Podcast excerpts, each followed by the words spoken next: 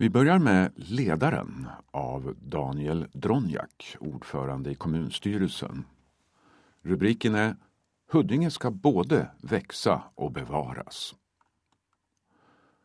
Huddinge står inför en fantastisk utveckling de kommande decennierna.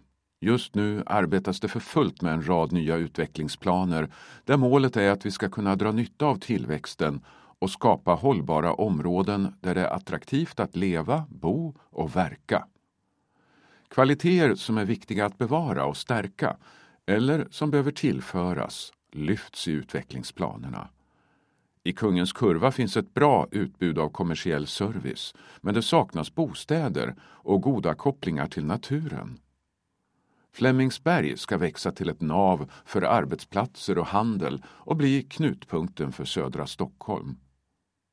I östra Huddinge pågår en rad olika utvecklingsprojekt som leder till fler bostäder och arbetsplatser och bättre underlag för centrum och kollektivtrafiken. I Storängen i centrala Huddinge pågår omvandlingen av ett slitet industriområde till ett modernt bostadsområde och Vårby utvecklas bland annat med en ny stadsdel i ett sjönära läge där Spendrups fabriker tidigare låg.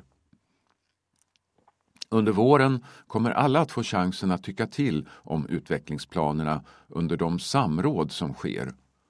Passa på att göra din röst hörd. Huddinge har växt en hel del och kommer att växa mycket framöver. Det kan upplevas som stökigt och rörigt men den starka tillväxten för med sig mycket som är bra för vår kommun som till exempel ny infrastruktur, fler arbetstillfällen och ny skattekraft. Men också nya parker, lekplatser, nya moderna skolor och bättre utbud i våra lokala centrum.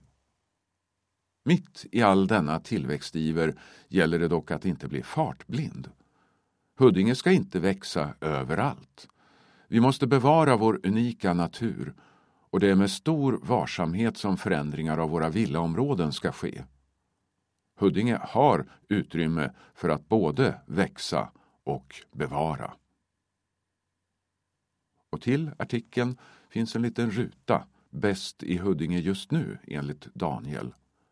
Alla de som får samhället att fungera under denna svåra pandemi.